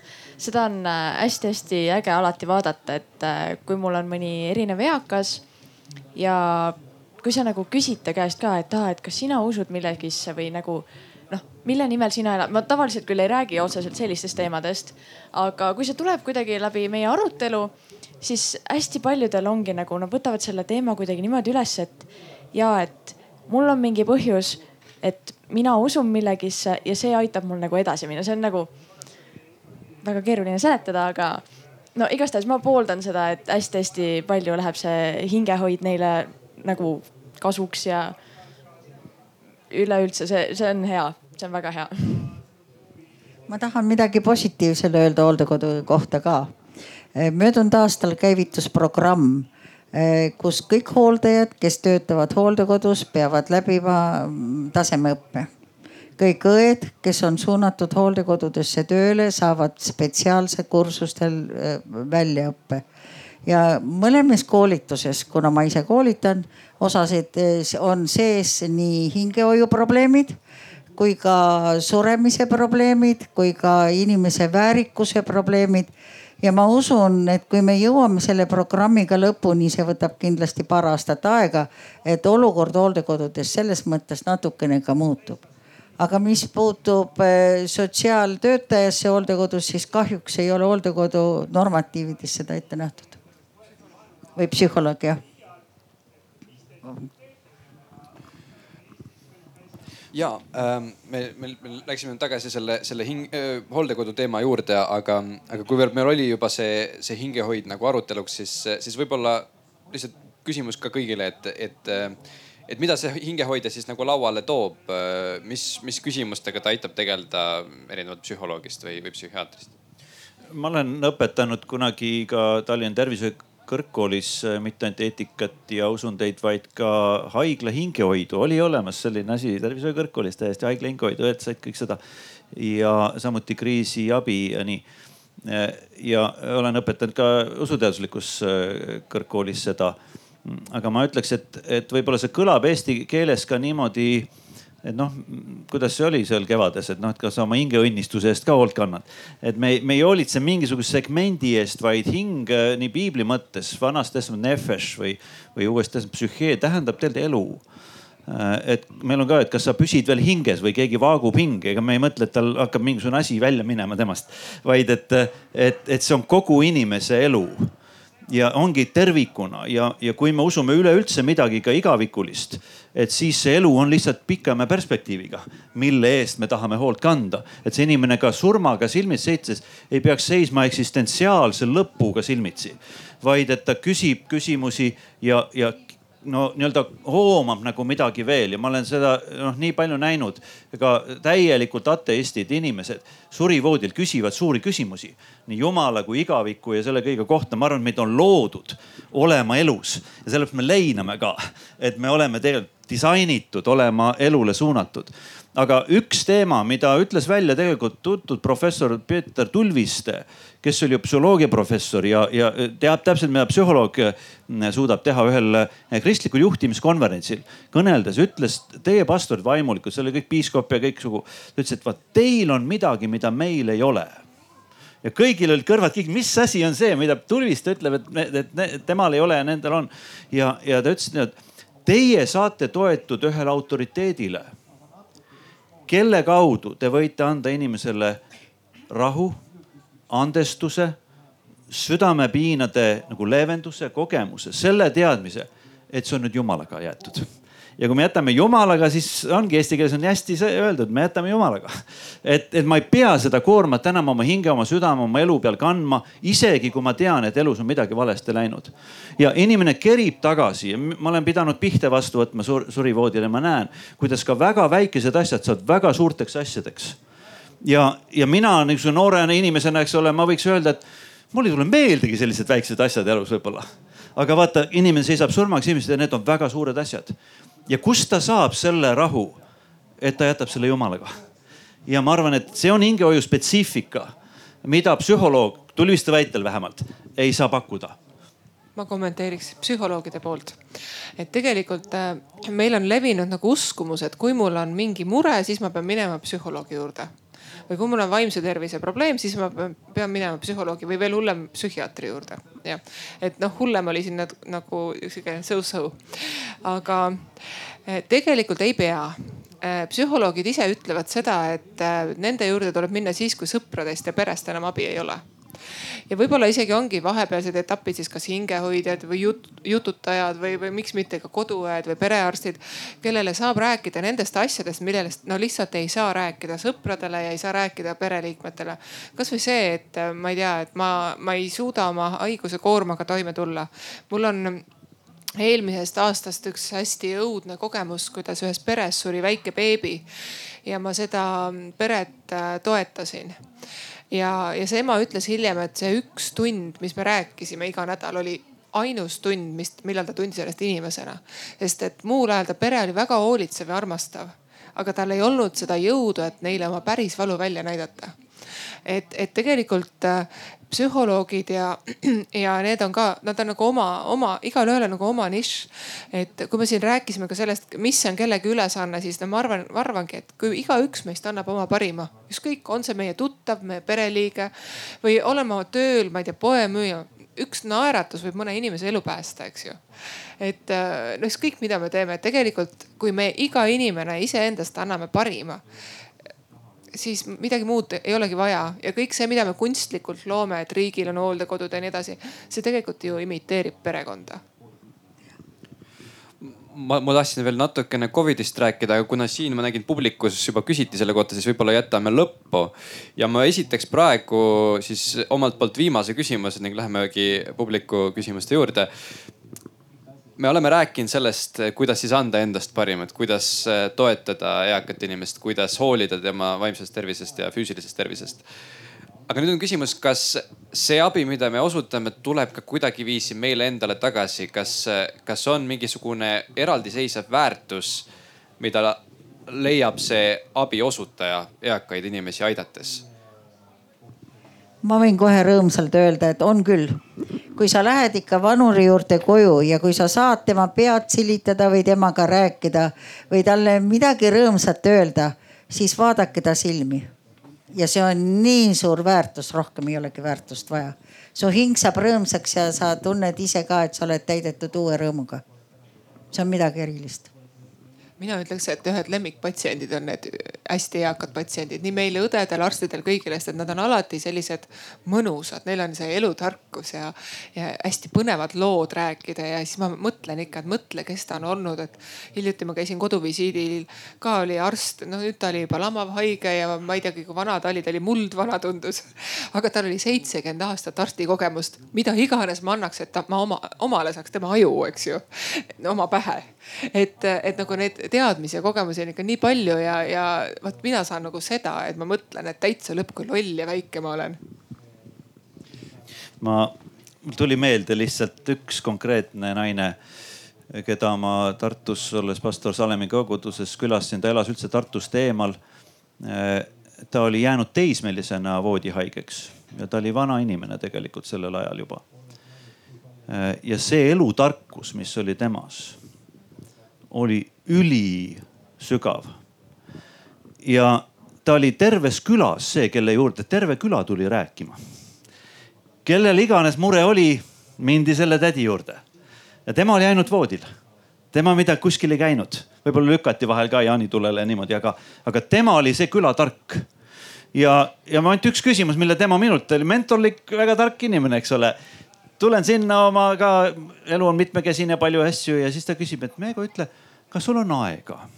ja ma ütlesin, mis küsimus see on, et kas sul on aega minna metsa ja olla kännu otsas? ja siis ma sain aru, et kui targalt ta oskab nagu seda küsida ka, et see on natuke nagu humorikas, eks ole. ta tegelikult küsib, kas sa võtad enda jaoks aega, kas sa puhkad välja, eks ole. ja, ja, ja ma ütleks niimoodi, et selle inimesega vestlused Äh, avasid minu jaoks nagu maailma äh, veel uutes mõõtmetes. Tal oli unistus saada iluuisutajaks, kui ta oli teismeline, siis ta jäi, äh, eks ole, voodile. ta ütleb, ma näen vahel unes, ma olen iluuisutaja.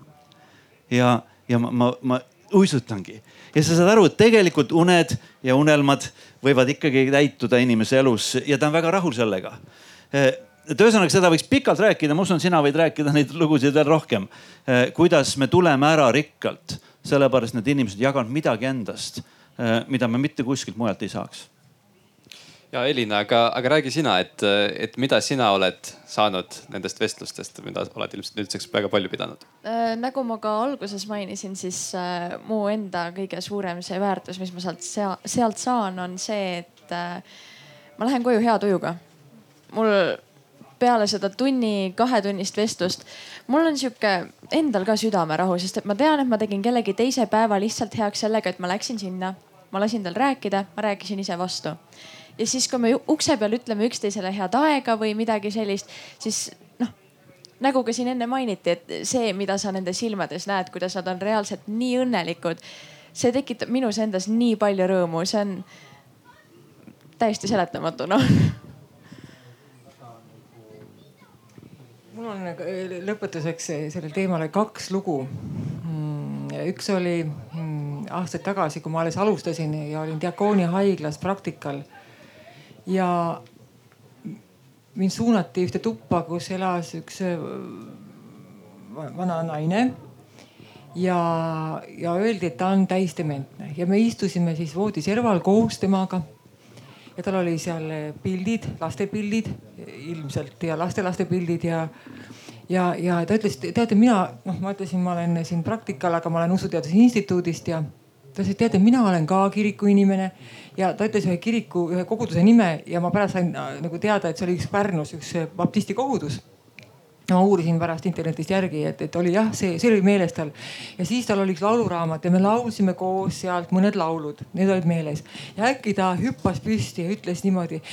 teate, ma nüüd pean kohe minema, et siin mul on see lasteaiarühm on äh, üksi ja, ja, ja seal on meil väravad jäid lahti ja, ja ma ütlesin, oodake, teate, ma lähen ise vaatan, kas nad on äh, alles ja läksin siis, seal oli see WC uks ja läksin, hüppasin siis sinna sisse ja vaatasin ja ütlesin, kõik on korras, kõik on, uksed on kinni, kõik on korras.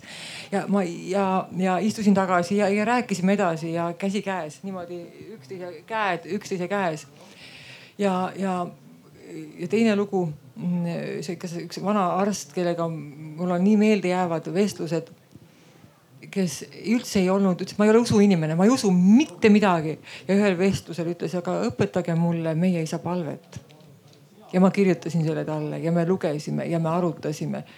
Ja, ega ta ei, see ei olnud see, et ta nüüd sai hingerahu ja mina saaksin niisuguse jah, oh kui tore, ma andsin nüüd talle hingerahu. aga nende inimestega selliste juhtumite ja selliste vestluste käigus mina tunnen, et minust saab parem inimene. et ma nii palju ei mõtle enam iseenda peale. et, et ma hakkan nägema seda elukaart või elu tervikut suuremas, suuremas äh, ruumis ja iseennast ja, ja ka oma lähedasi. et ma olen tundub, et ma olen nagu oma lähedaste suhtes veidike hoolivam. ja sellega ma nõustun, mul on ka täpselt sama asi. ma võiks täitsa ausalt isegi öelda, et peale seda, kui ma jututaja või üldse jututamisega tegelema hakkasin, mul on äh, enda vanaemaga ka tunduvalt äh, põnevam rääkida, sellepärast et äh, meil on olnud hästi palju igasuguseid erinevaid koolitusi ja see aitab mul nagu endal ka noh kui ta näiteks küsib mult midagi, siis ma vean seda vestlust edasi ja, ja see, see on nii põnev, ma ei saa suur tänu teile nende mõtete eest ja, ja liigukski edasi siis äh, publiku küsimuste juurde. meil siin kohe esimene küsimus, mida esitati. milliseks peaks kujunema nii-öelda post-Covid aegne eakate vaimsesse tervisesse panustamine? Karmen, võib-olla teie kui Covidi spetsialist number, number üks meie, meie seas saate saate oma mõtteid äh,? paremaks näiteks ütleme niimoodi. mida see tähendab et äh, no ma tean seda, et sotsiaalministeerium on võtnud selle üleüldse vaimse tervise teema väga tugevalt ette praegu. ja, ja noh, mis mind ennast on natukene nagu isegi hirmutanud, on see, et mind on kutsutud vähemalt vist kuude erinevasse töögruppi, kus äh, vaimse tervisega tegeletakse ja ma ei tea, kas nad üksteise olemasolust nagu teavad et, et võib-olla isegi teavad, et et kui eakatest rääkida, siis eh, noh, nagu ma alustasin ka esimese asjana, et meil tegelikult noored on saanud aru, mis asi on olemas, eh, mis asi on surm ja mis asi on haigus. et eh, võib-olla see on nagu iseenesest juba nagu aidanud, et inimeste selline mõttemaailm on muutunud, me ju kõik ütleme, et maailm on tagurpidi käima hakanud või pöörlema hakanud. et kõik on kuidagi nagu nii valesti olnud, et me igatseme seda normaalsust, kasvõi seda, et me siin istuda saame koos praegu niimoodi ja me ei olegi äkki üksteisele ohtlikud, ma ei tea, kas me oleme, onju. et, et et tegelikult äh, et võib-olla selline maailma muutus ja ka inimeste mõtete selline nagu paradigma muutus on, see on juba nagu toimunud. ja kuidas see siis edasi läheb, eks siis vaatame, mina panustan nendes töögruppides ja, ja püüan teha enda poolt parima aga ma ei oska öelda, mis peaks olema, siin on noh, nagu kaks tundi oleme rääkinud varsti juba sellest või tund aega, eks ju. ma ütleks kahte asja, need on mõnes mõttes nagu vastandid, aga ma arvan, et need mõlemad on äh, olulised post-Covid maailmas ja ka sellises hoolekandes. üks on kallistuse hind.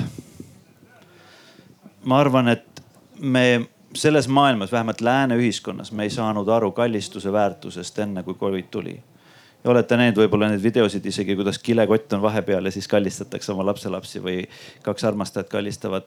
Äh, ja see, mis juhtub kemikaalselt ka inimese hormoonsüsteemis, eks ole, koksüdotsiniid ja, ja et, et see on, see on meeletult suur väärtus ja ma arvan, et kui meil vähegi on võimalik seda kallistust lubada, vaktsineeri või tee, mis sa tahad, aga kingi kallistus. Äh, ja ma olen näinud, kui tähtis on see näiteks leina puhul, matusel. mida sa ütled inimesele, kes leinab? aga kallistus räägib kõik. kui see on siiras, kui on südamest tulev. aga teine on digiteerumine ja ma arvan, et mina ootan juba hologrammide ajastut.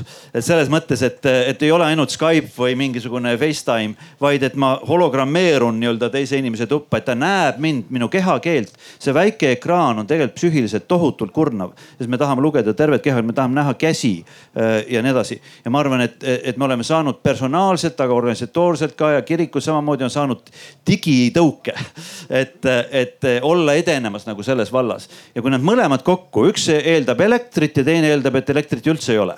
ja kui need mõlemad me suudame nendes asjades edeneda, siis ma arvan, et see hoolimise kogemus on terviklik järgmine küsimus, mida saab teha kogukond, et märgata eakaid, kes vajavad jututajat või muud tuge? meil ei ole, ei olegi ühtegi omavalitsuse ametnikku kahjuks kas me peame, kas me peame sellest küsimusest üle hüppama, aga, aga Katri või teisi, et mis, kas teil on? mina arvan, et kogukond saab väga palju teha. ta peab teadma, kas nende rajoonis, nende piirkonnas on selline organisatsioon nagu MTÜ Jututaja. ikka saab. ja, ja nendega kontakti võtma ja andma need vanad inimesed ja need vajavad inimesed ei peagi olema vanad, kes võiksid sinna kohale minna meil Pirita linnavalitsusega on väga hea koostöö ja me oleme saanud sealt väga palju informatsiooni oma kogukonna jaoks, nii et omavalitsused saavad seda väga palju teha. Nendel on need võimalused ja vahendid ka. ja, ja naabrid. oma maja, oma maja inimesed, naabermaja inimesed Na. naabrivalve peaks ka vaimset tervist valvama. tea oma naabri nime ja tema koera näiteks järgmine, nagu ütles Elina, üksi on ka noored, noored, kes ometi on vahetumad, aktiivsemad, suhtlemisaltimad. see ei ole vist küsimus, aga tänud kommentaari eest, kes, kes mõtteid avaldas. kuidas luua keskkond, et eakas ise kommunikeeriks oma vajadusi? näiteks, näiteks hingehoidja, jututaja, psühholoog no mida me kirikute nõukoguga tegime ära kohe Covidi alguses oli, me lõime sellise portaali nagu sinuabi.ee ja sinna me koondasime siis, tegelikult me olime aastaid juba selle nimel töötanud ja korraga nüüd oli vaja seda kiiresti ära teha, tegime startup sellise häkatoni äh, ja, ja sai loodud selline portaal. Ja seal on siis koondatud äh, mitte ainult hingehoidjate kontaktid, vaid ka vaimulikud, äh, kristlikud arstid, psühholoogid, terapeudid, psühhoterapeudid.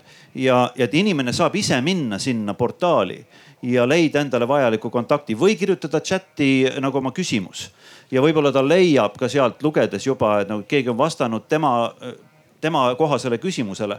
aga seal on see proaktiivsuse moment, et see inimene, kellel tegelikult on nagu küsimus, et kust ma saan kas nõu või lihtsalt kontakti.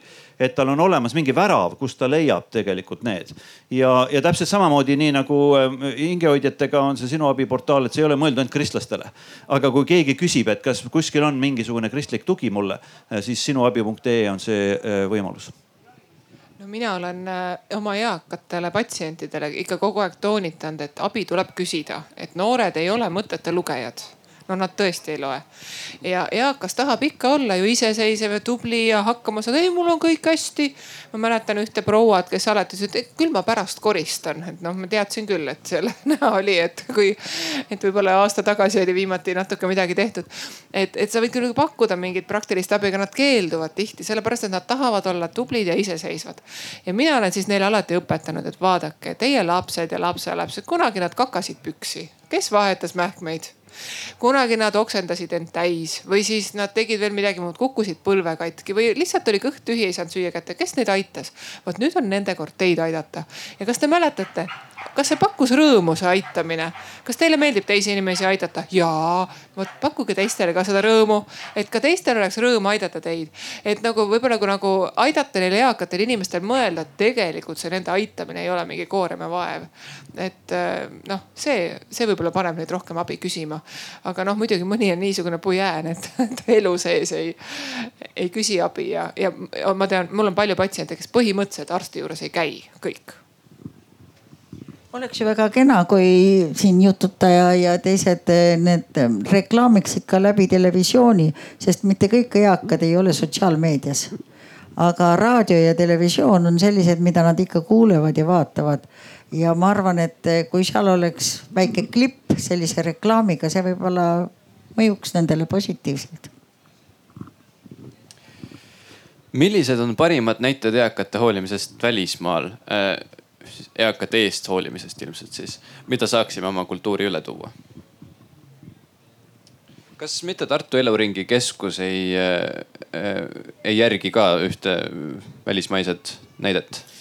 ja kindlasti ja ma arvan, et siin on äh, nii Euroopas kui ka mujal maailmas on äh, selles osas väga palju samme ees meist. ja ma arvan, just see sihukese tervikliku eluringi nii-öelda hoolimise kogemuse andmine või see vastastikune tugi on, on väga oluline. ma tooks ühe näite veel, mis mind natuke üllatas, kui te seda eluringi keskuse filosoofiat paika panite. oli see, et aga igaüks peab ise saama oma pesu pestud ja ma ütlesin, et huvitav, kas ei viitsita siis nagu või on kitsas majanduslikult, aga ei, ei, see sunnib need lähedased tulema iga nädal kohale vähemalt ja et ma võtan su pesud ära, ma viin nad ära, hoolitsen ja ta, see annab sellele inimesele, kes seal on, selle kogemuse, et tegelikult osaleb oma suguluvõsa elus ikkagi edasi. ja ma arvan, et see on kuskilt laenatud tarkus, et, et tuua see nii-öelda sisse ja esialgu tundub see kummaline, aga siis saad aru, et selle taga on hoopis psühholoogilised reaalsused, mitte see, et keegi ei viitsi pesu pesta. ja kui muidugi, kui ei ole lähedasi, siis pestakse nad kindlasti ära, aga et, et inimesel on võimalikult tagatud see samasugune elulaad, nagu tal, nagu tal enne oli üks praktika on, mida võiks, mis võiks Eestis ka olla, aga see on kohutavalt kallis ja kohutavalt ressursimahukas, et minu teada on olemas, kas see oli Holland või ma ei mäleta, mis riik see oli, kus oli olemas dementsete küla. et selline väike küla, kus on kohvikud, poekesed, elumajad, pesumajad, kõik asjad nagu nii nagu tavalises. ja, ja noh, miks see on, mis mulle väga meeldis see näide selle dementse kohta, selle lasteaia värava kohta. et äh, tihtipeale näiteks kui inimene noh, dementne inimene küsib, et, et kus mu tütar on ja noh, ta siis räägib oma tütrega parasjagu, et, et kus, kus, kus ta on, et äh, minu meelest, kas ta ikka pani mütsi pähe, kui ta õue läks, onju. siis normaalse inimese tavaline reaktsioon on see, et kuule, see tütar, see olen ju mina, ma olen kuuekümne aastane. et ma saan, aeg on edasi läinud, onju, aga see vana inimene elab kuskil teises ajastus.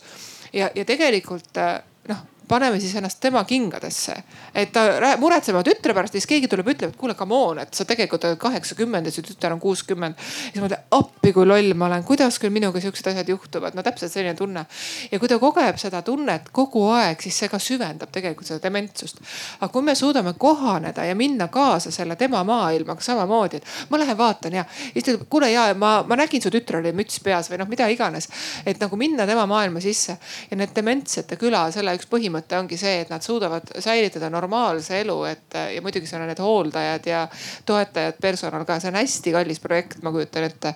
aga see oleks täiesti ideaalne dementse inimese jaoks mul on üks näide Eestis on, see on nüüd küll nüüd sotsiaalministeeriumi poolt nagu rahastatud, et paljud hooldekodud said kandideerida dementsete ütleme hooldusele, et nad saavad nagu panustada, teha eraldi osakonnad ja, ja ühe hingehoidja kirjast, kes tööd on ühes hooldekodus, kus on ka dementsete osakond.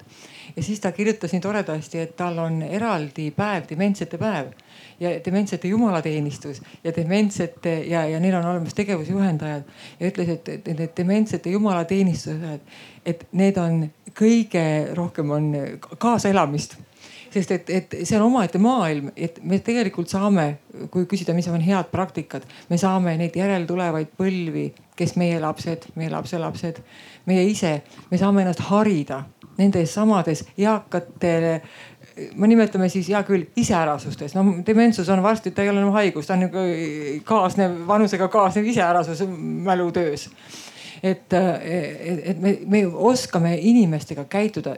hea praktika on see juba peres, juba naabrid, juba lähedased, juba kogukond. et me selle inimese, selle eaka inimesega, me oskame temaga suhelda, et tal ei tekiks frustratsiooni, et ta ei, et ta tõesti ei elaks üle seda abitust, seda hädisust. no mul on see süütunne, see häbitunne, ma olen kõigile tüliks, ma ei ole kellelegi enam vajalik. prügikasti, nagu ütles üks vana inimene, prügikasti.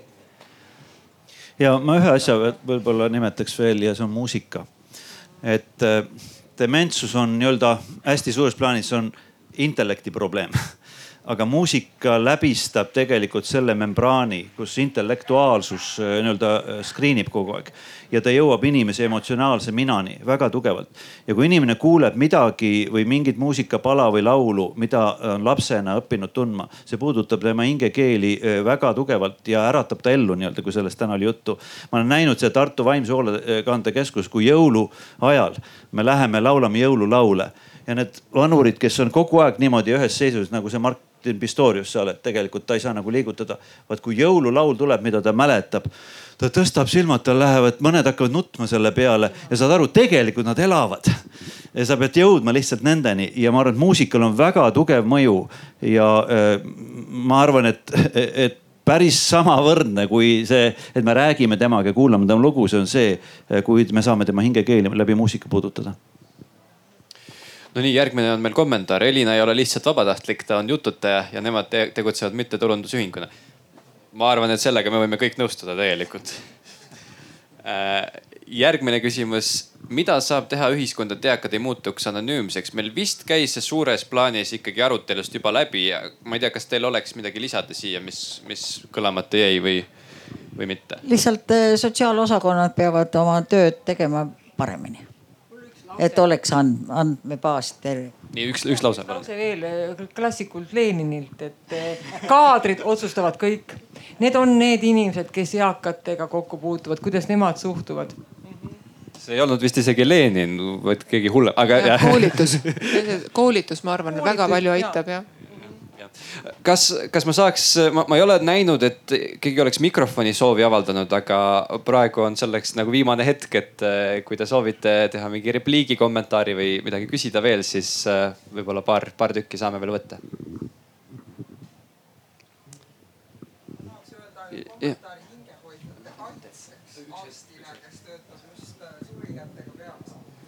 Hingehoiu kaitseks äh, arstina, kes töötab peamiselt surijatena.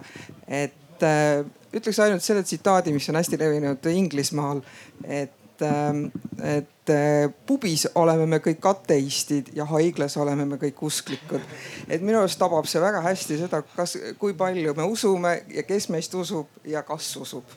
et see oleneb kõik elusituatsioonist. aitäh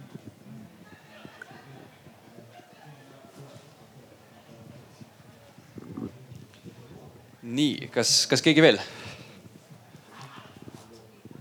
tänan selle kommentaari eest. mulle tundub, et äh, siis äh, kuivõrd äh, rohkem eestlaslikud me ei tahagi mikrofoni midagi öelda, siis, siis selle, selle koha peal ongi meie arutelu ametlik osa läbi. ja loodetavasti olete kõik veel siin mõnda aega, et kui kellelgi on soovi vestelda isiklikumalt eakate vaimse tervise teemadel, siis äh, palun, siin on meie asjaarmastajad ja asjatundjad. suur tänu teile kõigile tähelepanu eest.